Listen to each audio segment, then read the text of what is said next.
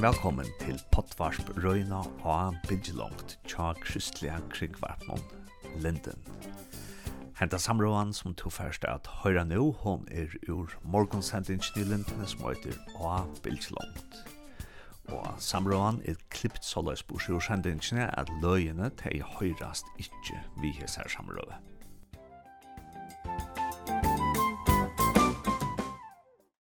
er kommet ut her i, til Vidåre og i København, og jeg sitter her inne tja som heter Friluftsmissionen, og jeg sitter her ved Løyernon, Torpen, Østermarsk.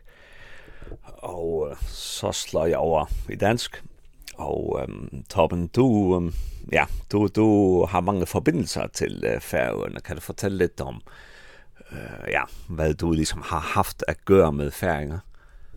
Oh ja, det er svært at gøre kort. Øh, jeg har haft øh, rigtig meget at gøre med færinger øh, helt tilbage fra jeg boede i den by i Jylland, hvor Nils Jakob Nielsen kom som missionær, øh, da jeg var teenager.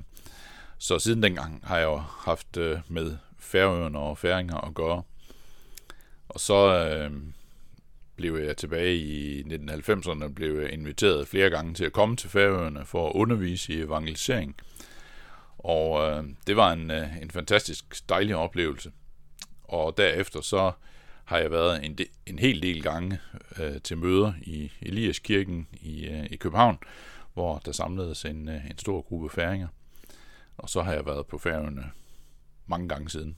Øh, så jeg har egentlig haft en kan man sige, lang historie med, med færøerne og færinger. Og øhm, ja, der, der er noget, som jeg ligesom ved om toppen, og dermed, at øh, I har lavet ligesom nogle ud, øh, hvad hedder det, undersøgelser eller samtaler om, om folks tro og sådan noget. Kan du lige fortælle om, om det, det, det har du vist nok gjort flere gange på færgerne, også i, i Eliaskirken, eller sammen med de folk. Hvad, hvad, hvad var det for noget? Jamen, det var sådan lidt, øh, hvad kan man sige, baggrunden var, at øh, hvad gør vi, når vi gerne vil dele vores tro med øh, mennesker rundt omkring os? Og der havde jeg arbejdet med noget, der hed evangelisering, øh, eller oplæring og evangelisering. Øh, og der blev jeg så spurgt om at undervise øh, i det. Og det var ligesom sådan øh, forskellige temaer, både bibelske og praktiske temaer om, hvad, hvad gør man, hvis man gerne vil øh, øh, tage kontakt til, til mennesker. Og en af de måder, man så kan gøre det, hvis man ikke sådan lige kender folk, øh, det er, at man har et lille spørgeskema, og så banker man på eller ringer på hos folk og siger, hej, vi kommer fra kirken, øh, har du lyst til at svare på nogle få spørgsmål? Og så gennemgår man ligesom det, og så ud fra, fra den, så får man nogle gange en samtale videre om, om tro og sådan noget. Hvis de svarer, at de går jævnligt i kirke, så spørger man jo nok, øh, nå okay, spændende, hvor går du i kirke? Eller hvis de siger, nej, det har jeg ikke været siden min ungdom, når, hvor, hvordan kan det være? Øh, var der noget, du var ked af, eller flyttede du, eller hvad? Altså, du ved, man, man ligesom prøver at, at, at, både at lave en, vi lavede en spørgeundersøgelse, så det var reelt nok, så vi sådan lavede lidt statistik bagefter, men ofte så fik man jo, kom man jo til at snakke med de mennesker. Og det gjorde vi på færgerne et par gange, øh, på Nolsøj, kan jeg huske, jeg var, øh, og et andet sted senere. Øh, Øhm, og ellers så lavede vi det også på Øresundskollegiet her i København, sammen med øh, blandt andet Anna og Atli Rasmussen, øh, mens de boede her. Og, øh, og der var øh, flere, som var med øh, og gik rundt på Øresundskollegiet og, og talte med de, de mange færinger, der bor der. Ja, og for at ligesom at holde oss till det ämne med färöarna så, så ser man titt på färöarna at i gästens öje är det visdom. Glökt i gästens öja. Eh, og nu har du varit många gånger på färöarna och du har haft meget med färöarna att göra. Vad vill du liksom säga om, om färöarna og færøerne som, sådan en utstående person? ja, det er måske svært lige at samle sådan på, på én ting. Det, jeg tror, det, det første ord, jeg tænker på, når jeg tænker på færinger, det er gæstfrihed. Jeg har oplevet en fantastisk øh, oplevelse af, at øh, man kunne altid være et sted, øh, når jeg har været på færingerne. Øh, og øh, der var altid masser af mad, og skulle man låne en bil, så var der ingen problem, og alt muligt. Det har jeg oplevet helt fantastisk. Så, øh, så det er jo noget af det første, jeg sådan tænker. Det, som jeg synes også har været... Øh, øh, stærkt for mig, det er jo, at øh, en del steder er der en hel del kristne. Øh, og det betyder jo, at det er naturligt at tale om Gud, og, og sådan med, også med, med forskellige mennesker, som man, man møder. Og det har jeg gjort øh, nogle gange, når jeg har været der. Øh, vi har været ude enten på noget evangelisering, eller jeg har mødt nogen og lige snakket med dem, og spurgte, hvor skal du hen? Øh, jamen, jeg skal ned til missionshuset. Øh, ved du, hvor det er? Ja, ja, selvfølgelig. Øh, og det ved folk, selvom de ikke kommer der her i Danmark, hvis man skal lede efter et missionshus, det, i hvert fald i de større byer, så er der jo ingen, der aner, hvad det er. Øh, så, så det er jo nogle af de billeder, jeg har. Øh, og så tænker jeg vel også, færinger øh, har lyst til en fest, og jeg har flere gange... Øh, øh, sådan pludselig været midt i en fest, når jeg har været på færøerne øh, hos nogen, jeg har kendt lidt eller, eller meget. Øh, fordi så var der lige, mens jeg var der, en eller anden fest i familien. Øh, så jeg har, tror, jeg har været både til konfirmation og barndåb og fødselsdag og forskellige ting, uden jeg egentlig vidste det på forhånd. Og det er vel sådan lidt udslag af det første, jeg sagde med gæstfrihed. Så det, det synes jeg, det har, det har gjort et kæmpe indtryk på mig, hver gang jeg har været på færgerne. Og, og liksom det som vi snakker om i dag, eller det som vi kommer til at snakke om, det er evangelisering, og måske specielt evangelisering øh, for, for folk, der ikke går så aktivt i kirke. Øh, og, og du har jo lavet nogle ting på færgerne med, med forskellige tiltag, ikke? Og, og der er nogen, der siger, eller, eller vi siger i hvert fald selv, at færinger, de er lidt lukkede. Det er måske lidt som over i Vestjylland, hvor man ikke sådan bruger de store ord og siger så forklædt meget Men, men er der, er der en forskel på at evangelisere til, til folk på færøerne i forhold til, til Danmark, eller er måske forskellen København og så Jylland og færøerne, det ligner mere, eller har du nogle tanker om det? Det har jeg ikke tænkt så meget over, men, men jeg tror, du har ret i, at færøerne øh, ligner lidt mere øh, Vestjylland. Øh, det, som jeg tror, i hvert fald i forhold til København og, og Færøerne, der er jo kæmpe forskel. Fordi jeg har vel ikke mødt ret mange på Færøerne, og egentlig heller ikke færinger i København, som ikke har et eller andet forhold til en kirke eller et missionshus. Fordi de har enten været der selv, eller har nogen i familien, eller nogen venner, eller hvad det nu er. Mens her i... Øh, i København, der skal man være glad for, hvis folk ved, hvad en kirke er. Eh, de ved selvfølgelig, hvad en bygning er, men, men der er mange, der ikke engang kender en, der sådan jævnligt deltager i et kristent fællesskab. Ehm, så der er, der er ligesom langt, langt længere til en snak om Gud og tro og sådan noget.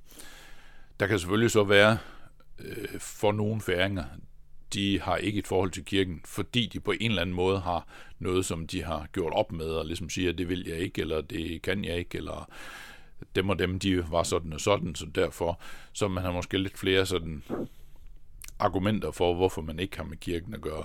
Det møder jeg yderst sjældent hos danskere i København. De, de ved bare ingenting. Altså, som siger, går du i kirke? Nej da, øh, det er ikke tid til. Så siger man, øh, det ligger søndag morgen, laver du noget? Nej, men det så sover jeg. Øh, altså, det, det er ligesom sådan, der er, ikke, der er ikke mange fordomme tilbage, fordi man ved ingenting. Så det er jo en, det er en kæmpe forskel, vil jeg sige. Og så skal vi snakke om evangelisering, og I hedder jo friluftsmissionen, ikke? Og jeg har så skrevet her, at I er tit ude på gader og stræder. er, er I altså for det meste det, eller er friluftsmissionen mere end at være ude på gågader og ja, steder udenfor? Altså, det er, det er rigtigt, at vi er det øh, jævnligt. Øh, jeg er det, det, det er lidt op og ned, øh, fordi jeg tænker, at Bibelen den lærer os, at det at bringe evangeliet, i hvert fald sådan organiseret, det er en, øh, en tjeneste for en menighed. Og derfor så har jeg altid tænkt, at jeg, skal, jeg vil gerne gå ud og møde nogle mennesker, men jeg vil også gerne have mindst en anden med. Øh, og i perioder har det ikke været helt så let at få nogen med. Så der har ikke været helt så meget ude. Andre perioder har det været let at få nogen med, så der har været det meget oftere. Men det er rigtigt, vi er på gader og stræder sådan i bogstaveligste forstand, øh, går ind i nærheden af Nørreport station eller ned på, på strøget i København, hvor der jo er massevis af mennesker, øh, og vi prøver at tage kontakt til dem og snakker med dem. Øh, giver dem en kop kaffe og deler en bibel eller et nyt testamente ud til dem. Øhm, men altså, vi forstår også lidt sådan, hvad kan man sige, gader og stræder sådan en lille smule i overført betydning.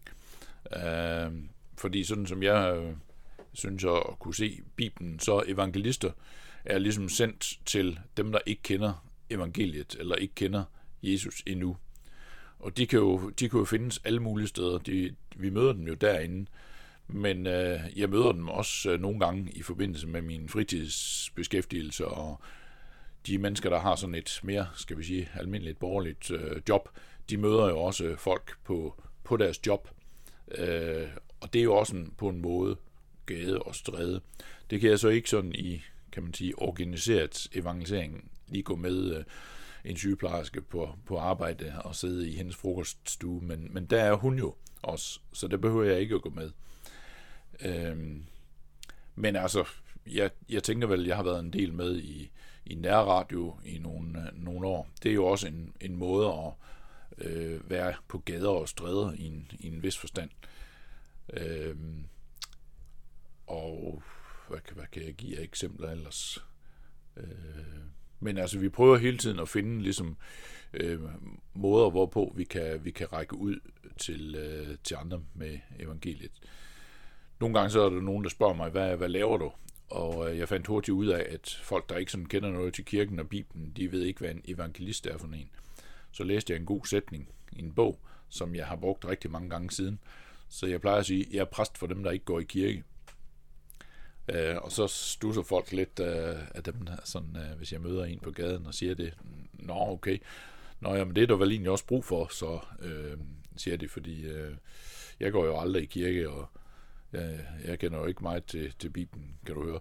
Øh, nej, siger jeg, det er jo så, det er jo så min opgave, det er at, at være med til at fortælle dig og, og, og andre, som gider at høre på mig, øh, lidt om, hvem er Jesus, og hvad siger Bibelen om ham? Og så bad jeg dig i toppen om at liksom at finde tre personer eller tre episoder, som du kunne fortælle lidt om. Hvad var det her måske den første, og jeg vil så bare videre over til den næste nu, eller hvad? Ja, det var det vel uh, egentlig. Øhm, jeg har tænkt på, altså det er ikke en helt speciel person, det er sådan lidt mere en noget, jeg har oplevet flere gange. Jeg nævnte, at vi deler er til et nyt testamente eller en bibel ud, øh, fordi vi har haft en god snak, og så har jeg flere gange sagt, øh, jeg ved ikke, om du kender nogen, der, der sådan kan svare på spørgsmålene, hvis, hvis du øh, får nogle spørgsmål, når du læser Bibelen. Nej, det gør jeg ikke rigtigt. Så siger jeg, vi, vi plejer at være her på, på den her plads i byen, øh, fredag aften, så kommer du forbi, så kom lige over og prik mig på skulderen og stil spørgsmålen, så skal jeg svare. Og det er jo sagt til nogen, og de fleste, de vender ikke tilbage. Men det er faktisk sket indtil flere gange, at nogen har sagt, hey, øh, du kan du huske, vi snakkede sammen for en måned siden, øh, øh, jeg fik en bibel af dig. Nogle gange kan jeg jo huske det, og nogle gange kan jeg ikke sådan helt huske dem, fordi man har ikke snakket med dem så lang tid. Men i hvert fald, Sagen er, at, at nogle gange kommer det tilbage og siger, nu har jeg læst noget, og jeg forstod det ikke rigtigt. Kan du ikke prøve at forklare det lidt bedre? Og det, det siger mig et eller andet om, hvor vigtigt det er, at vi også som, som kirke, sådan bredt sagt, kommer ud, hvor folk er. Fordi jeg tror ikke, den person, jeg har snakket med, der havde tænkt, Nå, jeg må gå hen i en kirke og spørge en præst. Men han, han vidste, at nede på, øh, på strøget i København fredag aften, der står der en kristen, som jeg kan spørge. Og der kommer jeg forbi og der går jeg hen og spørger. Og det tænker jeg, det, det siger mig noget vigtigt om, at vi som, som kristne er synlige, hver på vores felt. Øh, det kan være med at lave radio, eller eh være en synlig kristen på, på sit job i frokostpausen, eller hvornår det nu er. At man er, man er klar til at snakke om sin tro, og, og når folk har nogle spørgsmål, jamen så, så ved de, hvem de kan spørge, fordi der er faktisk en, som, øh, som lever med Jesus, og som gerne vil snakke om det. Og det tror jeg, der er brug for, øh, for os alle sammen. Hvis jeg skal nævne en, en tredje, så var det øh, for nogle få, øh, et par uger siden, hvor jeg var inde ved Nørreport, øh, hvor der kom en ung fyr, øh, og så sagde han, jeg kan se, I har nogle bibler. I er kristne så? Ja, siger det Hvad, hvad, hvad, hvad kan du sige til mig, som vil få mig overbevist om, at jeg skulle tro på Bibelen? og så tænkte jeg, hmm, ja, hvad, hvad, hvad, hvad siger man så lige? Øh, så, øh, jeg kan som ikke huske, hvordan vi lige kom i gang, men vi havde en, en ret lang snak, øh, og han havde jo flere af de sådan, argumenter, som jeg ofte har hørt, at ah, Bibelen er lidt gammel, og kan man regne med den, og øh, det, der er jo ligesom bevist, at, øh, at vi er blevet til på en anden måde, end Bibelen siger, og sådan nogle forskellige argumenter brugte han, så, så siger han, ja, hvad man dig selv, eller har du læst Bibelen, ligesom for at finde ud af, om det du nu siger, det, det så er i modstrid med Bibelen, eller om, om man kan stole på den? Nej, egentlig ikke, sagde han. Øh, når hun siger det, det har jeg så gjort det meste af mit liv, og jeg, jeg er faktisk rigtig glad for det. Øh, nå ja, okay, nej, det har han ikke rigtig gjort. Så sagde han sådan, da vi sådan var ved at slutte, så sagde han igen, jamen nu skal jeg lige vide en gang mere, hvad hvordan, hvordan vil du overbevise mig om, at det her det er så rigtigt, det du har sagt? Og så sagde jeg til ham, jeg håber I igennem samtalen, du har kunnet høre, at uh, jeg tror på, på Jesus og på Bibelen. Jeg kan ikke overbevise dig. Men øh, det kan Gud selv. Så øh, jeg vil gerne give dig det, det her nye testamente, hvis du vil have det. Og så kan du gå hjem og læse, fordi der møder du øh, det på første hånd. Og så hører du det ikke kun for mig, eller hører, hvad andre mener om det. Vil du have den? ja, må jeg få den? Ja, siger jeg, det er nogen, vi deler ud til dem, der gerne vil have det, og vil læse det. Det vil jeg da gerne. Så siger man så, deri, der kan du blive overbevist. Så nu er han jo i, kan man sige, i gang med det, håber jeg. Øh, og når jeg lige tænker på ham, så beder jeg for ham. Og du må også gerne, når du hører det her, bede for, for ham her, jeg snakkede med. Øh, fordi det er jo, vi kan ikke overbevise nogen og det er egentlig heller ikke vores opgave. Bibelen siger, at det er Helligåndens opgave, fordi igennem de ord, der bliver sået enten ja, gennem os, når vi fortæller, eller når mennesker sidder og, og læser Bibelen, så er det Helligåndens opgave at overbevise mennesker om, hvem Gud er. Så det, det håber jeg, at, at det sker også med ham her. Kan man sige, Torben, med det, du har sagt, det er, at, at du er med til at, at liksom at at, at lægge kirkens vægge ned sådan at vores budskab ikke kun bliver inde i vores lukkede kirke men at få kirken ud altså uden for murene. Ja, det synes jeg. Eh det er sådan set et meget godt eh altså et meget godt billede. Eh jeg har rigtig mange gange i tidens løb øh, hørt nogle kristne sige at dørtærskelen ind til kirken er høj. Altså forstået på den måde, at det skulle være vanskeligt at få nogen til at, at komme med ind i kirken eller missionshuset. Øhm, jeg har så nogle gange stillet spørgsmål tilbage til de kristne, det er, fra hvilken side er den mest høj? Er den mest høj for dem, der skal ind, eller er den endnu højere for os, der så skal ud? Jeg ved godt, alle går selvfølgelig hjem fra møder og hjem fra gudstjeneste, men i den forstand tænker jeg, er den, er den høj når vi ligesom er sendt, fordi vi er jo sendt af, af Jesus, han er her ikke længere, så han har sendt os, der er kirke i dag, til ikke kun at sidde i en bestemt bygning øh, og lytte til Guds ord og, og, og, og ligesom at tage imod, men han har også sendt os ud øh, til, til mennesker rundt omkring med det samme budskab. Og der tænker jeg, at øh, det er meget godt lige at tænke lidt over, er den øh, tærskel, er den nærmest endnu højere, Fordi øh, han har jo ligesom, altså Jesus har ikke tænkt sig at sende andre end os, er jeg sikker på. Og derfor har han brug for mig øh, i den, øh, hvad kan man sige, den setting, jeg nu har fået. Og han har brug for, for, for dig, hvor du er. Øh, og der kan vi alle sammen, alle kristne, kan øh, ligesom bruges, og vi er vidner alle sammen. Det er ikke alle, der er evangelist som mig, men alle er i hvert fald vidner om, øh, om den tro, man har.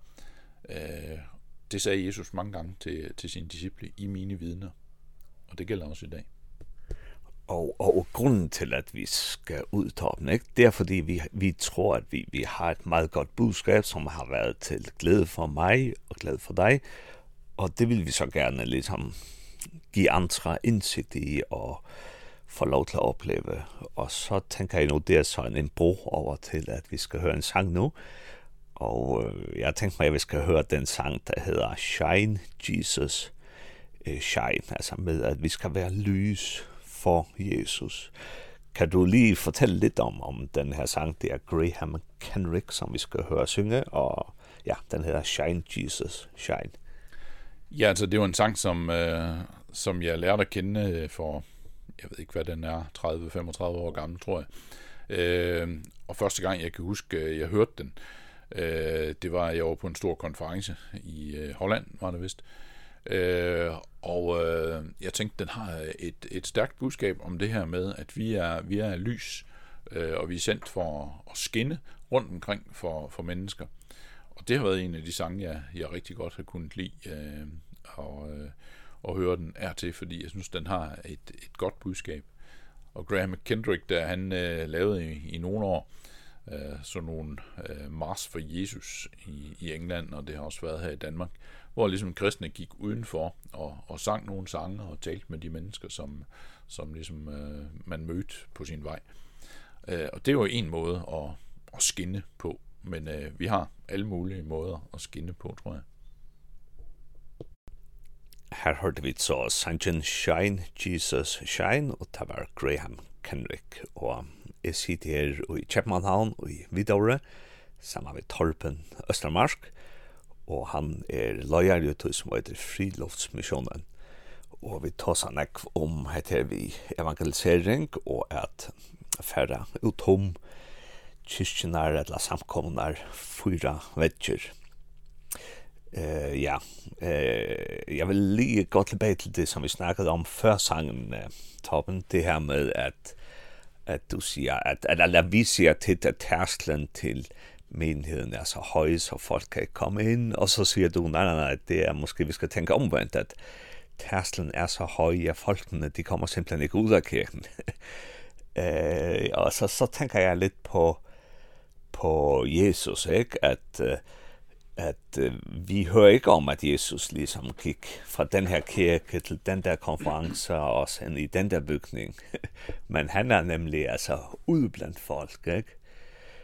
Og jeg tænker sådan lidt mere på det store billede. Jeg synes du måske, at vores menigheder er blevet lidt for meget med, at, at det er den her bygning, som vi har bygget, og vi er inde her.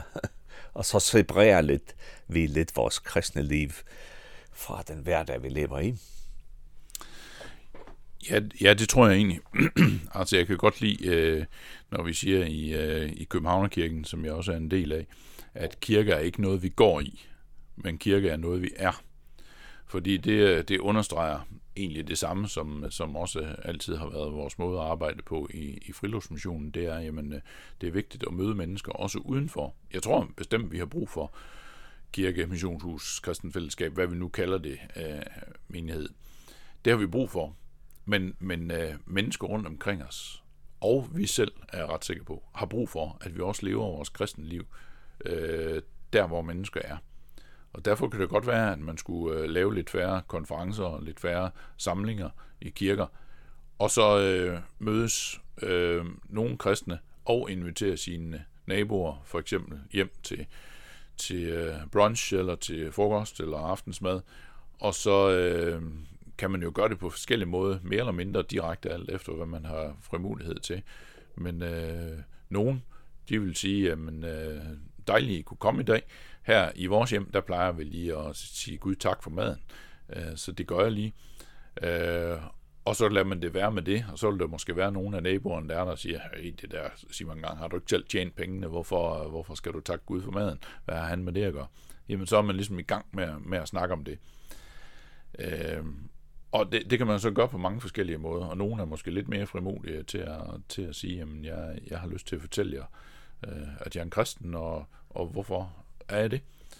Øh, men øh, jeg tror i hvert fald, at det er, det er utrolig vigtigt, at vi på alle mulige måder forsøger at få, få ligesom kristendommen ikke bare til at være inde i et, et hus, men til at være noget, som er øh, i vores daglige liv. Uh, ja, og jeg, jeg, jeg tænker nu, når vi, når vi hører om Jesus, ikke, så, så var han ude hos den kvinde, der var taget i hår. Han var, han var til middag hos uh, Zacchaeus. Han var i Jerusalem, hvor, når alle jøder samledes der. Uh, og hvis jeg ligesom skal sige, hvad mit kristne liv er, ikke? så jeg kommer også her i København og jeg kirken, mens jeg bor her. Men så vil jeg sige, så er det, øh, Københavnerkirken øh, gudstjeneste søndag, så er der noget bibelundervisning nu på onsdag. Altså, okay, okay, mit første spørgsmål er, hvor, hvorfor, hvorfor hører vi ikke noget om, at Jesus går fra den her kirke til den der kirke, og den der konference og den der konference? Hvorfor tror du, vi ikke hører det? Ja, man kan sige, de, de fandtes jo ikke rigtigt, de der kirker og konferencer på den tid. Han gik jo også øh, nogle gange til jødernes samling i synagogen, og så brugte anledningen til at fortælle om, at det, som de troede ville ske en gang, det er faktisk sket nu, fordi ham messias i venter på, er der lige her. Det gjorde han jo indimellem. Men, men typisk, og jeg ved godt, nogen siger, ja, men det var bare i Israel, vi kan ikke leve ude sådan udenfor hele året rundt i Danmark, fordi det er koldt og sådan. Og det er selvfølgelig en, en, et vist argument, men, men dog kun delvis argument, tænker jeg. Fordi øh, det halve år kunne vi jo sagtens leve langt mere udenfor, øh, også som kristen fællesskab og kristne. Og jeg tænker, at det gælder både i, øh, i Danmark, i hvert fald i høj grad. Jeg ved ikke helt så meget lige om det her på færøerne, men der er jo byfester og havnefester og øh, samlinger, hvor, hvor mennesker samles af en eller anden grund. Øh, og der synes jeg jo, det er naturligt, at vi kristne enten har en bod eller hjælper på en eller anden måde, eller åbner vores hus og siger, men herinde kan der godt øh, drikkes kaffe, eller herinde kan der, øh, vi kan godt stille det her til rådighed. Øh, fordi vi har et sted, man kan, man kan, eller noget, vi kan bidrage med. Øh, og det, det, det tror jeg, at folk er, vil, vil være glade for. Altså, øh, her i, i øh, august måned, der var der sådan en gårdfest, kalder man det, inde omkring, øh, øh, inde i nærheden af Nørreport. Øh, og øh, der var så nogle unge, der var inde og synge fra, fra kirken, og der var, der var andre, der var der, som, som snakkede med folk, og der var flere, der sagde, wow, det er fantastisk at møde nogle folk, der kommer ind fra den kirke, der vi, jeg vidste slet ikke, at der var så mange unge mennesker, og jeg vidste jo ikke, hvad der skete, og der var så gar en, der sagde, øh, det der, det var, det var da egentlig fantastisk. Hvis kirke er sådan, så får man jo nærmest lyst til at komme derind. Og, og jeg tænker, det, det oplever folk jo ikke, hvis ikke de møder os ude udenfor. Fordi ellers så bliver de ved med at have sådan samme historie og tænker, kirke, det er for gammeldags for mig. Da jeg blev konfirmeret for mange år siden, der var det lidt for kedeligt og trist, og det gider ikke men det er måske ikke opdaget, at øh, ligesom det omgivende samfund har ændret sig på øh, 30 år, så har kirken jo også øh, ikke budskab. Ja, det har det så nok desværre også nogle steder, men i hvert fald Bibelens budskab har ikke ændret sig øh, på 30 år. Øh, men formen har jo øh, på mange måder.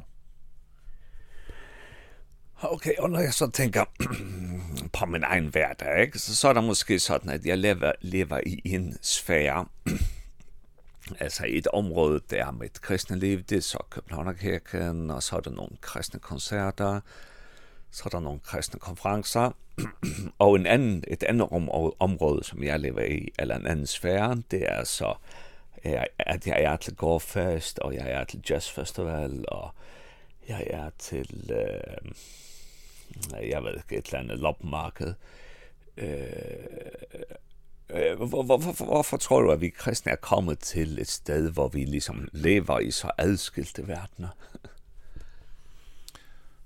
ja, det, det ved jeg ikke, om jeg har sådan rigtig noget svar på. Ehm jeg tror måske, at vi skulle, øh, vi skulle ture og være en lille smule sådan mere, øh, hvad kan man sige, offensiv nu siger jeg ikke aggressive, men offensive, sådan i, at vi tør ligesom åbne os lidt op om det, vi laver. Fordi de fleste gange, så kan man, øh, så kan man godt sige noget, som både er rigtigt og som måske ikke helt dækkende. Jeg har tit hørt nogen sige, Nå, hvad lavede du i weekenden? Nå, men jeg hyggede mig med familien, og jeg var ude sammen med nogle venner. Og det, de egentlig kunne have sagt, det var, jeg plejer at gå i kirke om søndagen, så jeg mødtes med mine, mine venner i kirken. Og hvorfor ikke sige det, øh, i stedet for sådan at glide lidt af på det? Fordi så er der nogen, der siger, Nå, går du i kirke? Okay, er det ikke lidt halvkedeligt? Nej, det er faktisk, øh, og så videre. Så kan man så, altså, der mener jeg, at vi kan, vi kan sagtens lidt mere offensivt bruge det. Øh, jeg er selv udover, øh, eller en af mine interesser, det er trylleri og den slags. Og der møder jeg en hel del øh, tryllekunstnere og øh, cirkusfolk og alle sådan nogen, som optræder med forskelligt. Og det sker af til sådan, at, øh, at vi snakker om, hvad, hvad vi hver især laver. Øh, og, og så siger de jo også, jamen, hvad, hvad, er, hvad, hvad er dit speciale? Sådan, er det børn, eller hvad er det? Og så siger jeg, at jeg kommer ud i mange kirker, for eksempel, hvor jeg så kombinerer det at, at lave trylleri med øh, at holde en andagt, eller fortælle lidt for Bibelen, eller hvordan jeg nu sådan formulerer det afhængig af, af situationen. Nå, nå, okay. Nå, Ja, og så, får så er der nogen, der siger, at jeg tror altså overhovedet ikke på sådan noget der, men øh, nå, det lyder da fedt nok, at du har noget at, at bruge det til. Øh, er der en, der har sagt til mig, og der er også andre, der siger, nå, men det er da fedt nok, at man har en mening med det. Jeg gør det bare for, fordi jeg kan lide det, jeg synes, det er sjovt, og sådan. det synes jeg så også, men, men, øh, men jeg tænker, vi kan godt være sådan lidt offensive i det, vi nu interesserer os for. Øh, måske har ikke alle samme, helt samme mulighed, som jeg har lige med det her, men, men øh, jeg er sikker på, at vi alle sammen, hvis vi tænker over det, så kan vi godt måske være en lille smule mere sådan åbne om, om vores tro. Øh, hvis man, jeg har opdaget, i, øh, sidder man for eksempel, som du siger, ved en, en festival, og man kommer i snak med en, hvis man spørger dem, Nå, hvad, hvad interesserer du dig for udover jazzmusik? Så fortæller de måske om deres arbejde eller et eller andet, men de fleste, de vil så sige tilbage lidt efter, hvad med dig? Hvad interesserer du dig for? Og der, og der kan man igen sige, om ja, jazzmusik er lige sagen for mig, og så bla bla bla, og så holder man sig til det. Man kan også sige, jazzmusik er en af mine, af de ting, jeg går meget op i. Men en anden ting, som jeg bruger meget tid på, det er, at jeg, har, jeg går i kirke om søndagen, og jeg har nogle venner derfra, som jeg mødes med, og vi gør sådan og sådan, og så videre. Altså, jeg tror, det, som er, er vigtigt for os at tænke, det er, hvorfor ikke øh, ligesom bruge anledningen til at være, være dem, der bringer troen og Gud og Bibelen på banen, i stedet for at vi venter på, at nogen de diskuterer om et eller andet og siger, åh oh, man, kirkebygninger, det er jo forfærdeligt. Tænk, at vi som skatteborgere skal bruge så mange millioner på de der gamle kirker, som ingen går i. Og så skal man ligesom til at føle, okay, så nu skal jeg så forsvare, et eller andet. Nu skal jeg forsvare, at øh, skatteborgernes penge, de går til, øh, til kirke og, og sådan noget. Hvis man selv bringer det på banen som noget positivt, som noget, man lever med og noget, man er glad for, så får man, det er min erfaring, så får man en langt bedre samtale. Og det er netop der, hvor jeg vil nå, toppen, at du, du som selv, som et kristen menneske, du lever meget det her ud med, at du prøver at, at tage den kristne tro ud fra gudstjenesten søndag og så ud i din hverdag. Og i det tilfælde er det så imellem det her tryllekunstnere, som du sælger um, remedier til.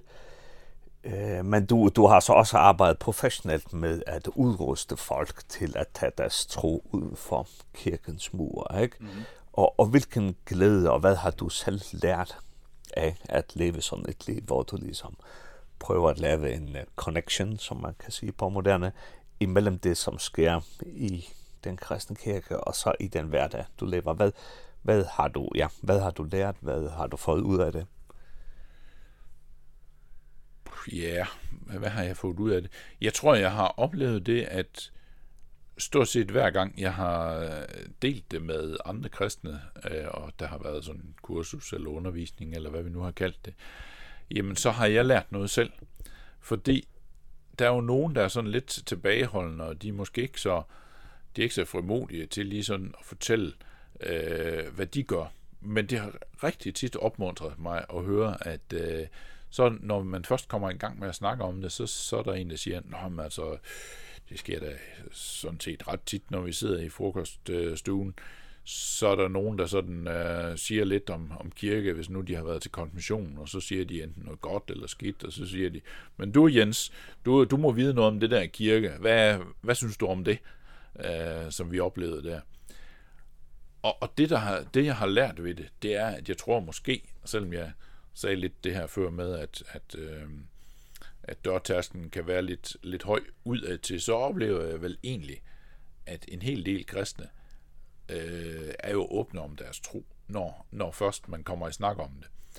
Øh, det, som jeg efterlyste før, det er, at vi måske sådan lidt mere bevidst går efter det, eller forsøger at få en, en samtale. Men jeg tror, at de fleste kristne, de vil øh, gerne snakke om det, når, når nogle kolleger bringer det på banen, eller nogen i ens interesseforening, hvad så siden det er.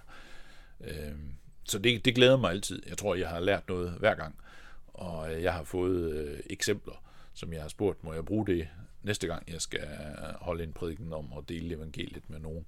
Ja, ja, selvfølgelig. Så jeg har brugt mange om, når man lufter hund, og når man øh, sidder i frokoststuen, og, og alle mulige andre situationer. Så det, det er noget af det, jeg har lært af, af det, tror jeg. Ja, og så skal vi så høre en sang nu, og vi skal høre The Collingsworth Family, og vi skal høre den sang, der hedder At Calvary. Her hørte vi så sangen At Calvary, og det var The Collinsworth Family. Og er starter her i Kjepmanhavn og i Vidåre, og jeg sitter inne i det som heter Friluftsmissionen, og jeg sitter her i Løyernon som heter Torben Østermark. og ja, han har faktisk ofte vært i fargen, bare jo helt eh, skøy om affære ut eh, vi evangelien og og eisne har han haft i mist vi føringar gjerra her og i Kjepmanavn. Ja, og så tenkte jeg, Torben, at um, ja, så jeg tenker litt sånn, litt, hva skal vi si, et historisk blikk tilbake i tiden. Eh, tidligere på færøerne, nu ved jeg ikke, hvor langt vi er tilbage, det var måske i 80'erne. Eh, så var det tit, at man havde, man havde gademøder, altså, der hvor man øh, flyttede en højtaler ud og sang og vidnede ud på, på gader. Øh, er, er det noget, som man også gjorde i Danmark der i 80'erne? Der, der har vel været i Danmark, tror jeg, det har været sådan lidt øh, i perioder. Øh, altså helt tilbage i 1880'erne, det er jo så længe siden, har jeg læst om, at her i København, der var der sådan gårdmissionær, det gik rundt og sang og prædikede sådan i for folk i, i lejlighederne. Øh, og så øh, går det måske lidt ned igen, og man, man glemmer det lidt, og så, og så kommer det op igen. Og da jeg var sådan forholdsvis ung der i om, om sidst i 70'erne og, og begyndelsen af 80'erne, der var der sådan ved at blive sådan øh, med, at man, man i den generation, jeg tilhørte, at man tænkte lidt af det, det vi har snakket om, jamen øh, de, de kristne, de sidder bare inde i missionshusen og kirkerne, hvad, hvad, hvad så? Hvordan hører de andre det så? Og, og der blev sådan ligesom lidt en trend med, at vi skulle finde ud af, hvordan, hvordan gjorde man så det, og der kom, der, på det tidspunkt begyndte der jo sådan at komme langt mere internationale øh, impulser til, til Danmark, som man hørte noget om, jamen i øh, USA, der har man gjort sådan og sådan, og det, øh, det har været en, en, en god hjælp for dem, og andre steder, der har hørt man om, jamen i, i Australien, der har nogen prøvet det og det, og Nogen har i Tyskland, der har man prøvet det og det, og det, det begyndte man sådan at høre langt mere om, end, end jeg tror, man gjorde før. Og, og så begyndte vi jo at, at prøve, og jeg var med blandt, sammen med nogle unge, der, der ligesom tænkte, jamen, det må vi prøve at gøre et eller andet. Og vi lavede sikkert alle de fejl, man kan. Øh, men det betyder så også, at i dag, så kan man ikke øh, rigtig lave nogle fejl, der ikke har været begået før. Så det gør så ikke så meget. Men det vigtigste, tror jeg, det er, at øh, mennesker møder nogen, der brænder for deres tro og brænder for at, at dele det med dem. Og jeg har prøvet en hel del forskellige både oplærings øh, hvad kan man kalde det programmer, hvis man skal kalde det sådan. Eh øh, og jeg har prøvet at gøre det på forskellige måder, som jeg har nævnt med radio og på gaden og øh ringe på folk større og sådan noget. Og jeg ved ikke om jeg tror det sådan er nogen, der, nogen ting, der er rigtig godt, og noget, der er rigtig dårligt. Det tror jeg egentlig ikke. Jeg tror, at det vigtigste, det er, at man selv gør noget, som man, har, som man brænder for, og som man ser en mulighed i. Øhm, og det tænker jeg, at vi skal, vi skal have opflammet hos, øh, hos hinanden, øh, om det er at invitere folk hjem, man har det bedst med, og, og man er bedst til at være et vidne hjemme, det er der nogen, der er, Der er nogen, der bedre kan lide at, at stå ude på et øh, et krammermarked eller en byfest og og øh, diskutere med folk og og sådan noget og nogen kan bedre lide i deres boligområde og gå rundt og og ringe på øh, hos andre naboerne og sige, ved du hvad, jeg har nogle spørgsmål om øh, Gud og kristendom, har du lyst til at svare på dem? Og jeg tænker, det er alt sammen fantastisk, og jeg synes, man skal bruge det, man, øh, det, man er glad for fordi jeg tror alle, alle tingene, og nu, nu laver vi radio, jeg tror radio er en anden mulighed, og jeg tror man skal bruge de muligheder, der er, for ligesom at, at dele sin tro med andre. Hvis jeg tænker sådan på, hvad, hvad jeg husker fra færgen, ikke, så var der de her, de her gademøder, hvor man sang og vidnede, og så var der et tidspunkt, hvor man delte traktater ud, øh, uden at jeg helt ved det, men så tænker jeg bare, at måske Danmark har I været lidt mere kreative med, jeg ved, at I har brugt sådan noget øh, trolleri og sådan noget, hvor I skriver, hvad nu det hedder. Tale-malebræt eller sketchboard, ja. Jamen det er rigtigt. Altså jeg har jo øh, især i, i friluftsmissionens regi brugt en hel del kreative ting, og det er noget af det, som vi er ikke så, så kendt en organisation i Danmark egentlig, for vi er bare en lille en, men det de fleste ved, det er, at vi bruger noget visuelt og, og kreativt øh, til at forsøge at, at både vise mennesker øh, noget og tale til dem på samme tid. Og der kan man sige, at øh, trylleri og ballonger og dukker og drama og talemalerbræt eller sketchboard har været nogle af de redskaber, vi sådan har både for at skabe opmærksomhed og øh, holde opmærksomheden fangen. Øh, og øh, ja, det har jeg brugt øh, rigtig meget i, i løbet af mit liv på en hel masse forskellige måder og mange forskellige steder. Og det er jo så også de, de seneste flere gange, jeg har været på færøerne, har det nok primært været for ligesom at give eksempler på det og opmuntre også øh, ledere i søndagsskolearbejde og ungdomsarbejde til også at være og, og, og være sådan lidt kreativ og tænke øh, på nye måder, man kan, man kan give evangeliet videre til andre.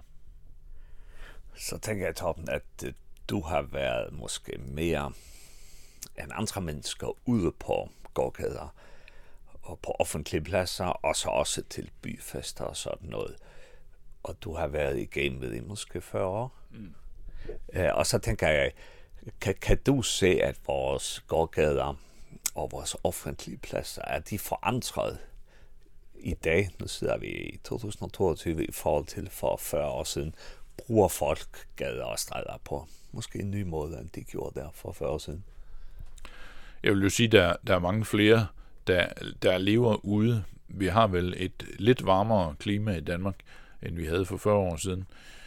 Og trenden har også været, fordi mange af os har været på ferie i Sydeuropa, og set hvor hyggeligt det er at sidde på en café eller sidde nede på øh, pladserne og, og bare hygge sig med og snakke med hinanden eller drikke en kop kaffe eller hvad man nu laver. Så, så derfor er det jo meget almindeligt herinde i København, at uanset hvor man kommer en sådan, ja, man kan sige fra påske og til efterårsferien, der sidder folk jo ude, og det gør man også nogle gange i den kolde tid, men, men især det den, den sommerhalvåret, der er jo altid nogen ude et eller andet sted ved en station, ved, ved ja, på alle mulige steder. Så, så det er langt mere. Så vil jeg sige, det der har ændret sig, også det er jo det er også menneskene, der er der. Øh, for 40 år siden vil jeg sige, der var der, var der flere, der sådan havde haft en, en eller anden forbindelse med kirken, og som måske havde taget afstand fra det. Så der var flere sådan lidt negative diskussioner om, hvad kan man sige, berettigelsen af kirken, eller om, hvad, om kirken var kedelig, eller et eller andet.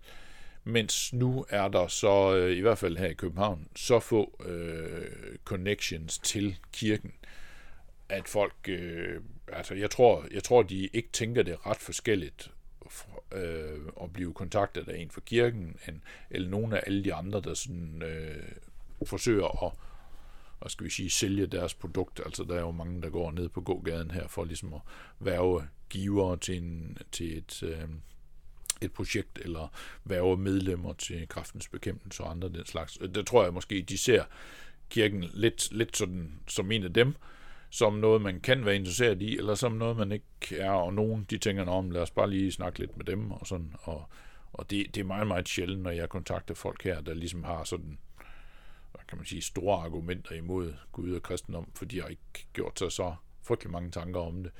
Der er dog nogen, der sådan tænker, hmm, der må der være en eller anden form for mening med det her liv. Kan det passe, at vi bare skal leve 70-80 år her, og så, ja, så var det bare det. Øhm, så jeg synes, folk er mere afslappede. De er jo selvfølgelig så også med, lidt mere sådan over i det her med, at jamen, jeg tror ikke på Gud, og det er jo fint for mig. Gør, tror du på Gud? så er det fint for dig. Og jamen, er vi begge to glade for det, så er det jo godt nok. Øh, det er sådan den det er sådan meget afslappet dansk øh, indgang til noget. Øh, ja. Så så det er vel nogle af de øh, forskelle jeg kan se. Men øh, dybest set så tror jeg jo mennesker er de samme som vi altid har været. Øh, som en en eller anden gammel kirkefar sagde at inden i os der er der en længsel som øh, som ligesom, uh, kan ikke lige huske den nøjagtige sætning, men, men uh, der er en længsel inde i os, som er i uro, indtil vi hviler hos Gud. Så, og det tror jeg egentlig er sandt stadigvæk. Selvom, selvom nogen de siger, at jeg har det fint med at gå op i fodbold, eller jazzmusik, eller hvad det nu er, og det, har, det har jeg det fint med. Og det tror jeg da også, de har. Men jeg tror alligevel, der er et eller andet, som nogle dage øh, ruder rundt øh, inden i den. Øh, for 100 år siden, der ville man have kaldt det længsel efter Gud. I dag, der siger man psykiske problemer, eller noget, ikke, nu må jeg ikke misforstå mig, at jeg, jeg tænker, at, at det altid er det samme, eller jeg, jeg nedgør ikke uh, det, at nogen har psykiske problemer, men jeg tror, man nogle gange har fået byttet lidt om på, altså noget af det, vi kalder psykiske ting i dag, tror jeg kunne have været anderledes, hvis flere havde levet med Gud. Nogen. Men jeg, jeg kender også masser af eksempler. Jeg skal nok lade være med at generalisere her. Men jeg tror, jeg tror faktisk på, at, at nogle ting, de har fået lidt andet navn, end de havde engang. Øh, ja, og så tænker jeg i toppen, at hvis vi tager, ja, så nu er der måske mange steder, hvor folk er udenfor, ikke? Hvis vi tager i København, så er det måske hele havnefronten, men jeg vil lige nu fokusere på, på gågaden, ikke? Så tænker jeg strøget jeg tænker lidt om, om strøget er mere kommersialiseret, så, så der er et spørgsmål om, hvor langt ud kan de forskellige caféer gå med deres borer, og så som du siger, så møder man de her folk, som prøver at være medlemmer, eller at skaffe penge. Øh, og, og, og, og, og de enkelte folk, der går ud på strøget, ikke? Altså, hvis man går alene, så har man AirPods i, ikke? Mm -hmm. så, så, så, så jeg tænker lidt, altså, jeg ved ikke, at, at øh, det liv ude på strøget, det er sådan lidt, enten betaler du et eller andet beløb for at være der, eller går du meget i din egen verden. Er, er det noget, som du kan genkende en, en, en, en hvad hedder det, en, en observation, som jeg har haft? Ja, ja, absolut. Øh, absolut. Øh, heldigvis er der en pæn stor gruppe øh, øh, som er i den tredje gruppe, som øh, hverken har, har noget i ørerne, eller snakker i telefonen, eller, eller lige køber sig fra, øh, fra det hele. Der er en gruppe, som øh, er mere end stor nok, altså her i, i København i hvert fald, til at øh, det giver god mening at, at tage kontakt til den.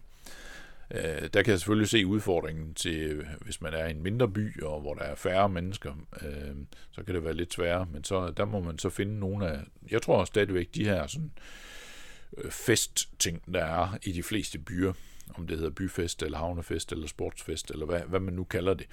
Det tror jeg altid, fordi der er folk ligesom måske indstillet på, at her, der går jeg ud uden noget i ørerne, og uden at hele tiden skal snakke i telefon, øh, og jeg er ude for at opleve, hvad der nu sker.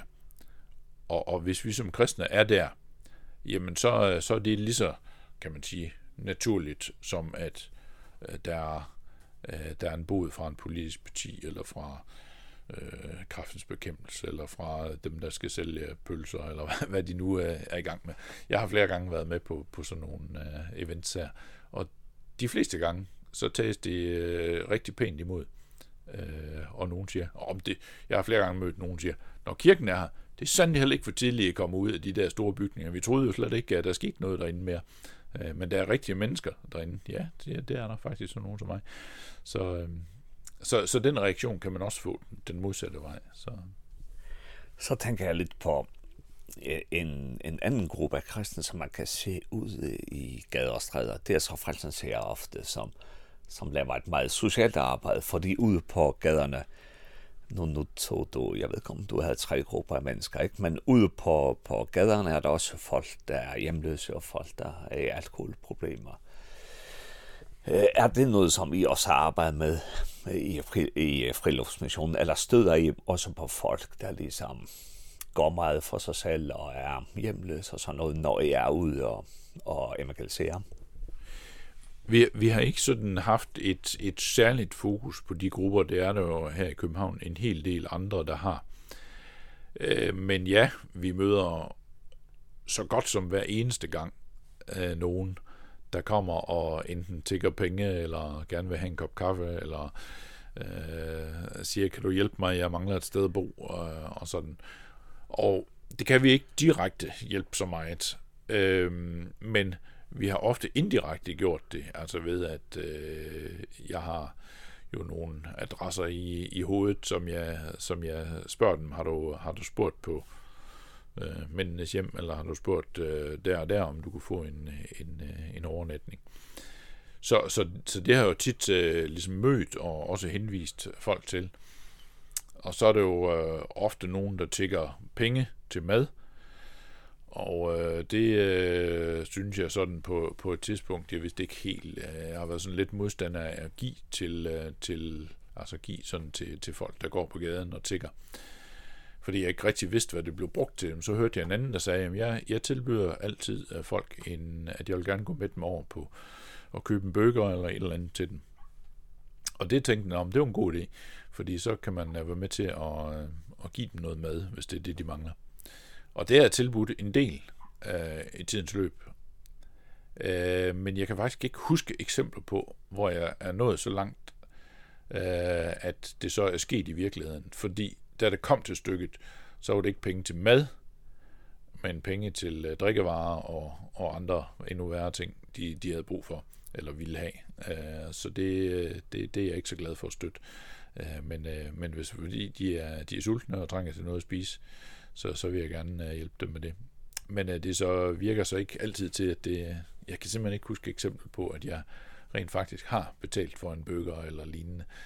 Ehm så, så derfor har jeg vel også fået det lidt sådan, at jeg tænker, hmm, kan godt være, at uh, en del af dem, der tigger, det, det er jo fordi, de har et overforbrug og et misbrug af noget, Eh enten stoffer eller, eller drikkevarer af en eller anden slags.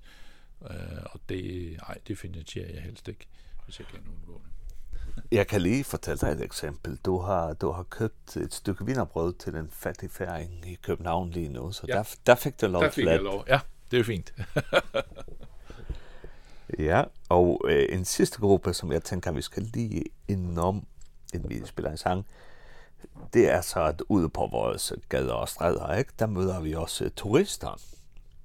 Og der tænker jeg på færgen, at uh, der er virkelig et boom i uh, turisme på færgen. Ikke? Så vi møder også uh, turister ude på vores gader og stræder. Er, er det noget, som I har gjort jer erfaringer med, og hvordan er det måske at kontakte turister, når man er ude på, ja, på strøget og andre steder? Det er forholdsvis nemt. Dem møder jeg Uh, nu har der jo selvfølgelig været en længere pause her under coronatiden i København, hvor når vi har været ude, har der ikke været så mange, men ellers under sådan almindelige forhold, også de seneste uger her. Der er jo uh, en stor del af dem, man kommer, uh, kommer til at kontakte, er turister. Uh, og derfor har vi jo så også et sådan lidt uh, bredt udvalg af, af små uh, skrifter på... Uh, ja, Åh, oh, det var så en pakke, der vi nok uh, kommer. Nej, det var det ikke. Nej, det var det ikke. Det var bare en telefon, der ringede. uh, ja, så vi er i gang med at snakke med det her om... uh, om Men det er ikke godt, det Nej, det er fint. Uh, vi, er, vi er i gang med at tale det her med... uh, med turister, ja, at ud på gader og stræder, så, så hører vi tit, eller så møder vi tit, at der er folk fra udlandet, som udlandet ikke ulandet, men udlandet. Og hvilke erfaringer har I gjort med det? Jamen altså, der har vi, øh, altså vi møder jo rigtig tit øh, turister, øh, og en del af dem, vi tager kontakt til her i, i København, er turister fra så godt som hele verden. Der er jo en del, der kommer ind med de store øh, skibe, og de er så lige i København en dag eller to og skal rundt og, og opleve, hvad der nu er. Og øh, andre er her en, en uge eller to og bor på et hotel og skal ud og se øh, livet i København. Og de fleste af dem har, øh, har god tid. Øh, og der er jo så også en del af dem, der er kristne faktisk, så, øh, så når man møder nogen fra Korea eller øh, Holland eller USA eller andre steder, så er det jo jævnligt nogle af dem, der siger, ah, wow, wonderful, uh, to meet Christians. Uh, så, og de opmuntrer ligesom en så er der også en del, der ikke er, er kristne, og jeg synes, øh, det, er jo, det, er jo, det er altid dejligt at snakke med dem. Det er selvfølgelig ikke så let lige at invitere dem med i et kristen fællesskab, for de bor her ikke. Men, øh, men jeg er sikker på, at jeg har det også selv sådan, når jeg er turist et sted, så er jeg sådan åben for, hvad der sker. Jeg snakker lidt med, med folk, der kontakter mig, og, og, og jeg bliver jo påvirket af dem, og dermed tror jeg også, at jeg kan være med til, når jeg møder turister her i København, og give dem et vidnesbyrd om, hvad det vil sige at være en kristen.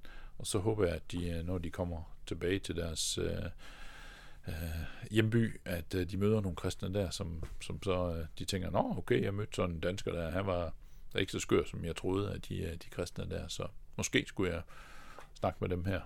Så på den måde tror jeg, at det, det er ret, øh, ret god ting, og det tror jeg også, I kan gøre på færgerne.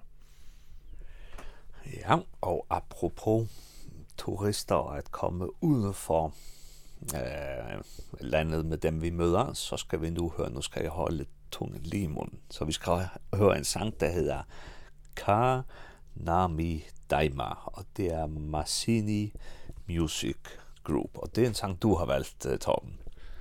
Ja, og det er egentlig sådan en lidt speciel historie. Jeg har hørt en del musik sådan på YouTube blandt andet, Eh og der får man jo nogle gange, når man har hørt noget, eh så får man nogle øh, sådan forslag til noget andet, man kunne høre, som minder lidt om det.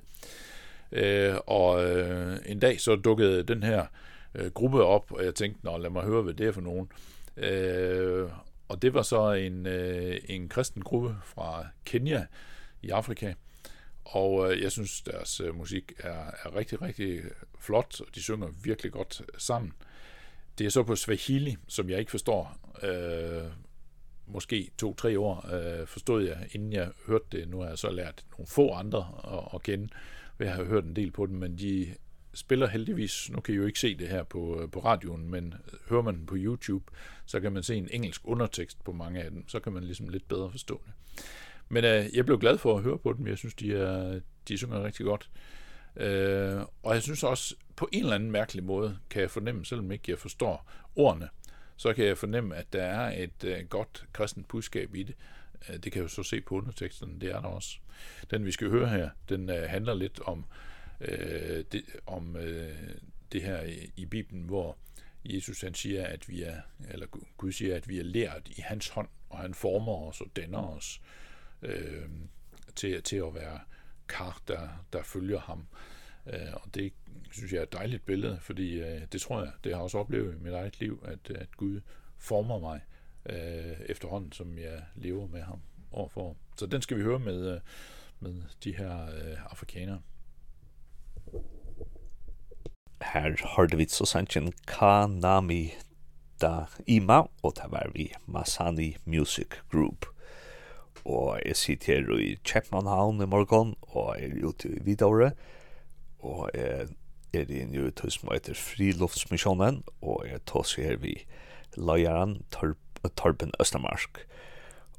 og uh, så slår jeg over til dansk igjen, og um, ja, det jeg tenker nå, Torben, det er eh med, med den, uh, det her arbejde som du har haft i, i friluftsmissionen. Ehm eh, ja, og, og som for alle mennesker, så, så går livet op og ned, og så tænker jeg, først har der været en tid under din tid som leder her i Friluftsmissionen, hvor det har været svært. Ja, det har der jo været vel en del gange. Det kommer lidt an sådan på, på hvordan man, uh, altså hvor, hvor, hvor svært sådan. Jeg synes jo, jeg, jeg tror, jeg har det som de fleste kristne, at øh, man har en fristelse inden i sig til at lade være. Øh, og øh, nogle gange, når jeg sådan har planlagt at skulle øh, for eksempel på gaden sammen med nogen, så øh, kan jeg godt mærke om morgenen, så tænker jeg, ej, jeg er for træt i dag, jeg overgår det ikke i dag, jeg tager ikke afsted i dag. Øh, og en del andre gange, så har jeg haft hovedpine, eller ondt i benene, eller et eller andet. Og det er jo reelt nok sådan set. Øh, men jeg har så til gengæld også oplevet de fleste gange, hvor jeg har taget sted og tænkt, nå, det går nok over igen. Så, øh, så er det faktisk gået over igen, eller jeg har i hvert fald ikke tænkt på det, mens jeg har, har sådan været, været i gang. Og det synes jeg har været en bekræftelse for mig på, at, at, at selvom der sådan er modstand, både i mig selv og måske også fra, fra, fra vores, vores øh, modstander satan på, at evangeliet bringes ud, jamen så, øh, så bliver det brugt, selvom der er en, en sådan modstand i det. Ellers vil jeg sige, at jeg, jeg tror, at den, den, den sværeste ting ved, det er ikke specifikt noget med friluftsmissionen, men med hele det arbejde, jeg har stået i, i i mange år, det sværeste for mig, det er ligesom at tænke på, at der er så få jeg, jeg har oplevet, som er noget længere end til sådan interesse for den kristne tro. Altså det, øh, det er så frygteligt, at så få tager imod evangeliet og tænker, det her med Jesus, det er også for mig, og øh, jeg ønsker at leve med ham, øh, og det bliver en forventning af deres liv. Det synes jeg er det synes jeg er meget svært øh, at tænke på i, i sin nåde, så har Gud givet mig en eller anden udholdenhed til trods alt øh, med de tanker og fortsætte med det i omkring 40 år. Og det er jeg rigtig glad for. Fordi øh, nogle af de dage, hvor jeg sådan synes, at det, det er sværest at tænke på, der er det ikke, der er det ikke særlig let at, at fortsætte. Men øh, jeg har vel oplevet mange gange, at Gud minder mig så om om øh, forskellige løfter i Bibelen, der siger, at min opgave det er at være vidne, og det er hans, det er Helligåndens opgave at overbevise mennesker, det er ikke min. Øh, og han, har, han, har, han ønsker bare, at jeg skal være et vidne for ham, øh, og så klarer han resten. Og det har sådan ligesom været min, øh, min trøst, øh, når jeg har sådan tænkt, kan jeg vide, hvad der blev af ham, øh, hvad skete der med hende, øh, kan vide, om de tænkte mere over det, læste i den bibel, jeg gav dem, eller et eller andet, så har jeg måske ligesom på en eller anden måde kunnet hvile i, jamen nu har jeg gjort, jeg, har, jeg har gjort det, jeg var sendt til, øh, og så tager Gud sig af resten, når han sender en anden på deres vej, eller lader den tage imod øh, ham, eller hvad. Det ved jeg jo ikke så meget om, men, øh, men jeg, synes, det, jeg synes, det har været, det har både været svært, men også en trøst for mig midt i det. Ja, så nu har vi snakket om, at det kan være lidt svært til tider måske med at have det her arbejde, men er der så en bestemt oplevelse, hvor du tænker, at det var virkelig en god oplevelse, som jeg har haft igennem de her 40 år, noget som du specielt husker? Jeg tror, der er rigtig mange, jeg har svært ved lige sådan umiddelbart at, at udvælge en, en helt bestemt, men jeg tror, det som jeg sådan øh, tænker på, sådan ligesom har været langtidsvirkningen, det har været det, jeg har været inde på, at man... Øh, at jeg har oplevet, at Gud har givet mig både opmuntring og trøst, når, når jeg sådan, øh, ikke lige synes, det lykkedes helt, eller hvis jeg var nødt til at melde afbud, fordi jeg havde ondt i hovedet, eller jeg synes, en samtale ikke gik særlig godt. alt muligt sådan ting, der, har, der ligesom har været. Så har jeg lært Gud at kende så godt, at øh, jeg ved, det hviler i hans hånd, og han øh, giver mig trøst og siger, okay, du har, ja, jeg har bedt dig om at være vidne, og, og det, det har du været. Øh, så på den måde synes jeg, jeg har lært Gud godt at kende på den måde. Øh, og ellers, ja, jeg har, jeg, har, jeg har vel også fået sådan ret meget ro på, på mig selv sådan, fordi noget af det, jeg husker fra sådan de første gange, jeg skulle møde nogen, som jeg ikke kendte og sådan noget, så var jeg sådan noget nervøs, og jeg tænkte, jeg kan vide, hvad der sker, og tænkte nu, hvis jeg ikke kan svare hvad, på, hvad de spørger om, og sådan noget, det ville være pinligt og sådan. Der har jeg jo fået ret stor ro efterhånden på, at... Øh, det, det er jo ikke så slemt. Altså, der er jo ikke nogen, der forventer, at man sådan er omvandrende af Google, der kan svare på hvad som helst. Øh, og det er jo ofte noget, man ikke kan svare på, og der opstår nye situationer, både med hvad der sker, så står man på, på en gade, så pludselig kommer der en og vælter på sin cykel, eller en, der er fuld, der kommer ind og forstyrrer en lidt, og sådan. Der, der kan ske alt muligt forskelligt. Men det kan man godt tage det stille og roligt med, fordi det, for det meste er det sådan, jamen det, det, det ødelægger jo ikke noget, og det, nogle gange så skaber det en lidt større opmærksomhed på, at man er der, og det giver nogle gange en anledning til at, og, øh, og fortælle evangeliet til flere. Jo, nu kommer jeg så i tanke om en af de klart bedre. Det var, det var um, for nogle år siden, øh, hvor vi var i gang med at stå og forgynde ved hjælp af talemalebrættet på strøget, og der var en pæn stor flok, der stod og kiggede på, så kom der så nogen, der var på polterabend, og de havde åbenbart drukket sådan ret, øh, ret godt, og så var der så en af dem, der kom ind og stillede sig foran, og sådan ligesom stod foran og viftede med armene, og, og, og ligesom skulle have alle de menneskers opmærksomhed. Når ham, ham der var i gang med at, at, at prædike der, han, han forsøgte sådan at fortsætte, det var ikke så nemt igen. Øh, og jeg, jeg stod lidt ved siden og tænkte, hvad gør jeg lige? Men øh, så gik der ikke så lang tid. Så, øh, så kom der jo flere folk til, og nogen de begyndte at sige, ah, flyt dig lige, vi er jo lige i gang med at høre noget her. Ja, om han troede, at han kunne, øh, han kunne forstyrre det. Men øh, så, så skete der det efter nogle minutter, så kom der sådan to rigtig store mandfolk ind, og de tog ham så øh, i hver sin arm, og så løftede de ham væk og smed ham ud øh, uden for kredsen der, og så, så sagde de, nu går du bare i gang, øh, vi er klar, og der stod vel halvanden hundrede mennesker, eller sådan noget, en af de største grupper, jeg kan huske, vi nogensinde har fået anledning til at, at forkynde for. Så noget af det, det har, når jeg tænker på det og på mange andre, så, så har jeg tit oplevet, at noget af det, man lige troede måske var lidt dumt eller ikke så godt, jamen det har ligesom vendt, blevet vendt til, til en god mulighed. Øh, og jeg har vel også lært med mig selv, det som jeg har, har sagt en del gange, når jeg har undervist i evangelisering, øh, øhm, at øh, jeg behøver ikke at være bange for, at jeg ikke kan svare på folks spørgsmål. Fordi jeg kan svare på alle, alle, alle spørgsmål.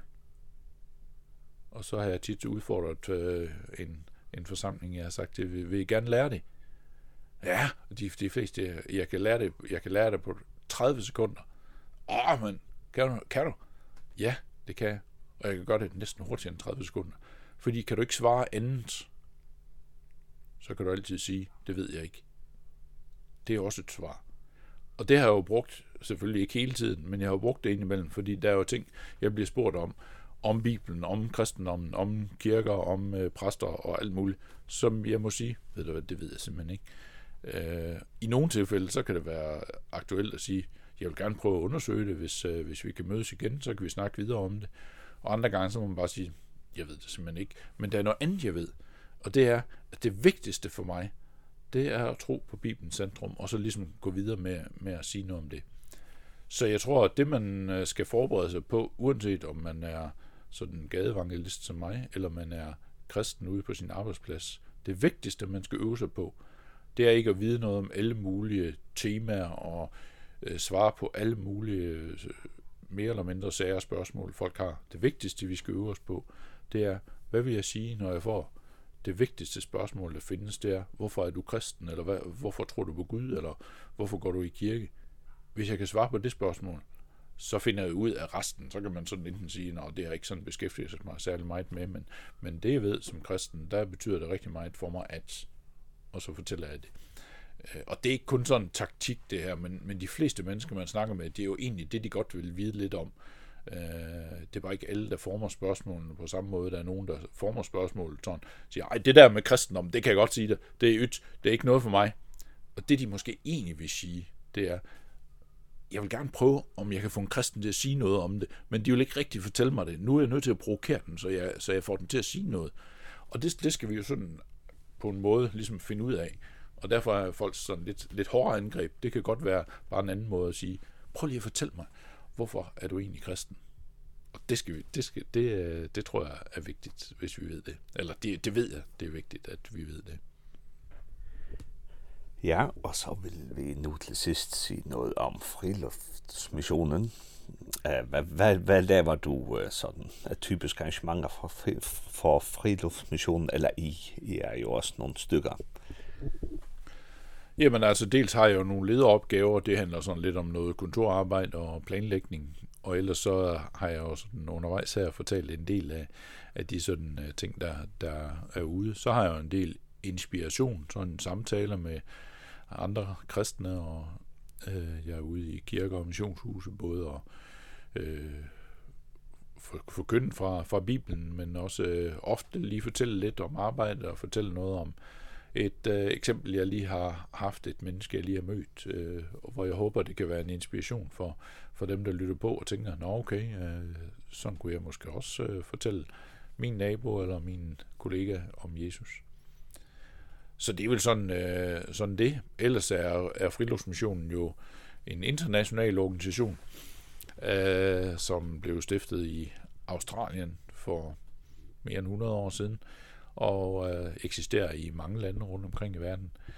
Og øh, vores arbejde er øh, er sådan kendt ved det her med, at vi tager kontakt til, til mennesker uden for kirkens kreds, og vi ofte bruger et eller andet visuelt øh, kreativt for at, at skabe kontakt til mennesker og for at få budskabet bedst muligt frem og uh, I har vel nok en hjemmeside, og hvad, hvad, hvad kan man finde der? Kan man finde inspiration? Eller, og for det første, hvad, hvad hedder hjemmesiden, som I har?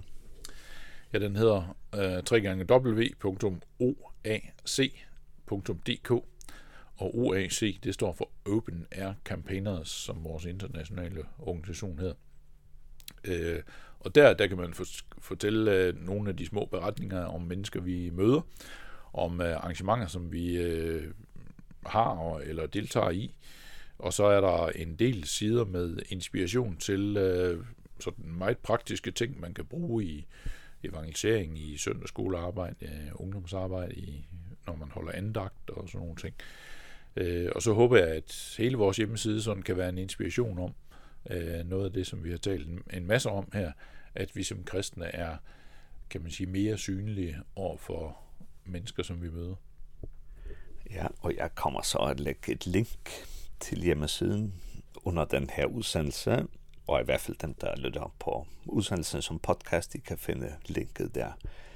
Uh, ja, og hvis vi så taler lidt øh, sådan fremtiden for open air campaigns eller friluftsmission, hvad, hvad tror du ligesom fremtiden er? Hmm. Ja, det er, det er, jo, det er jo altid spændende med fremtiden. Eh og der er jo øh, ofte ikke så meget, man kan sige om fremtiden. Eh øh, noget af det, vi arbejder på, det er jo at finde en sådan både praktisk løsning for, for fremtiden. Nu er jeg sådan efterhånden øh, været i gang i mange år, og jeg kan sådan i det, i det fjerne begynde at skimte, at øh, der er noget, der hedder folkepension. Eh og det vil jo påvirke mig sådan rent teknisk Eh jeg tror, som kristen, der går jeg nok aldrig på pension. Jeg tænker, jeg bliver ved med at være et vidne, indtil jeg ikke kan det mere. Eh men sådan rent teknisk for, for friluftsmissionens eh det organisatoriske arbejde, vi er på at finde løsningen, og vi eh regner med, at inden for noget tid har vi en løsning på, på sådan lidt, øh, lidt frem efter.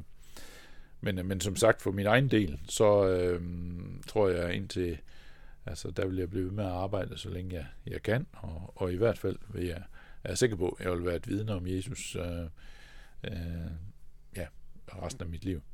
Øh, fordi jeg tror aldrig, at jeg vil øh, ligesom opgive tanken om, at det er vigtigt for andre mennesker at møde evangeliet om Jesus. Ja, så vil jeg sige dig tusind tak, at jeg kunne komme her i dag, og ja, Vi skal så høre en sidste sang, I Stand Amaze, med Keswick. Og øh, ja, jeg vil bare ønske dig alt det bedste, Torben. Mange tak. I lige måde, det var en fornøjelse at få lov til at være med, og jeg ser allerede nu frem til næste gang, jeg skal til Færøerne. Ja, øh, og jeg tænkte faktisk lidt sidst, øh, Torben, at give dig et øh, vers øh, fra Bibelen. Det gør jeg nogle gange, at jeg så finder jeg et vers, og så giver jeg det som afslutning. Og uh, ja, det kan godt være, at vi, at vi ses på, på færgen igen. Hvem, hvem ved, om vi så gør det. Og uh, yes, og det vers, som jeg har fundet til dig, det står i Filipperbrevet, uh, vers uh, 19 i kapitel 4. Og der står der, og Min Gud af sin herlige rigdom gennem Jesus Kristus give, give jer alt, hvad I har brug for.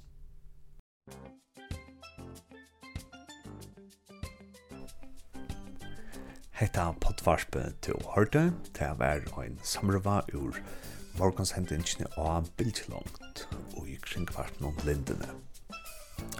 Og om du vil høre flere samrøver fra Og har bildt langt, så kan du bare løyta etter hisner, og noen bildt langt, og i tog potvarspespilleren som du pleier å bruke.